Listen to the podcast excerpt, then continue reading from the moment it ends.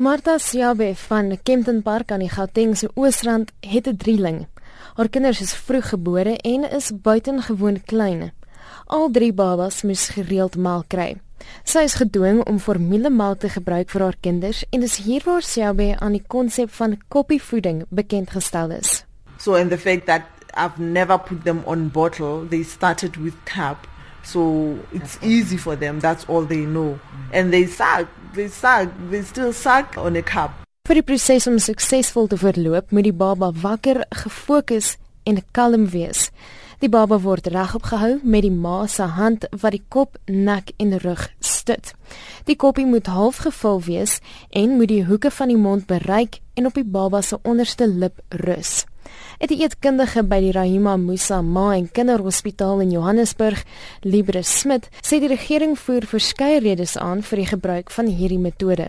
The main reason why we basically always recommend a cup instead of a bottle, we've picked up in the government sector specifically that bottle feeding causes a lot of problems, specifically malnutrition. The hygiene is the biggest problem, whereas if you compare it with a cup, the bottle is much more difficult to clean because there's a teat, there's a lid, there's all the, some of the bottles are very funny shapes. Verdere risiko's sluit asemhalingsprobleme in. The mommies tend to put the baby in the bed and then put the bottle or rest it on the pillow and go on with other household activities.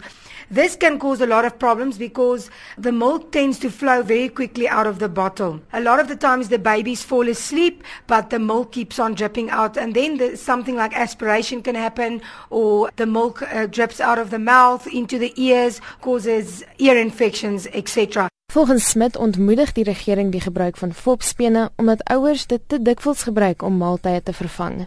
The big problem that we have with dummies and for that matter with a bottle, how the teat looks is different from how the breasts look. And we know that we want the majority of our patients to breastfeed, but the moment that you start introducing a bottle, the baby gets confused. So the babies tend to then prefer the bottle because it's easier to get milk out from the bottle than it is from the breast. Tog is hierdie metode nie prakties vir besige ma's nie.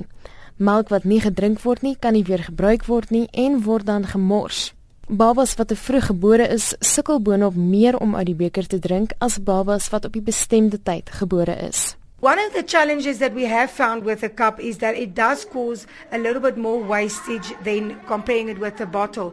One of the big, big key points is that you're not supposed to be hasty. You should take your time because at the end of the day with a cup, the baby is feeding himself. The biggest problem that I, I found and which I've asked the patients is that the cups are not easily accessible outside of the hospital. Smith sê die regering moedig egter borsvoeding aan bo alle ander forme van voeding. Volgens die regering hou dit voordele in vir die ma en die baba en bevat moedersmelk elemente wat die baba se immuniteitstelsel versterk. Hierdie verslag deur Tabilem Bethle. Ek is Marlene Verschiefer, SABC nuus.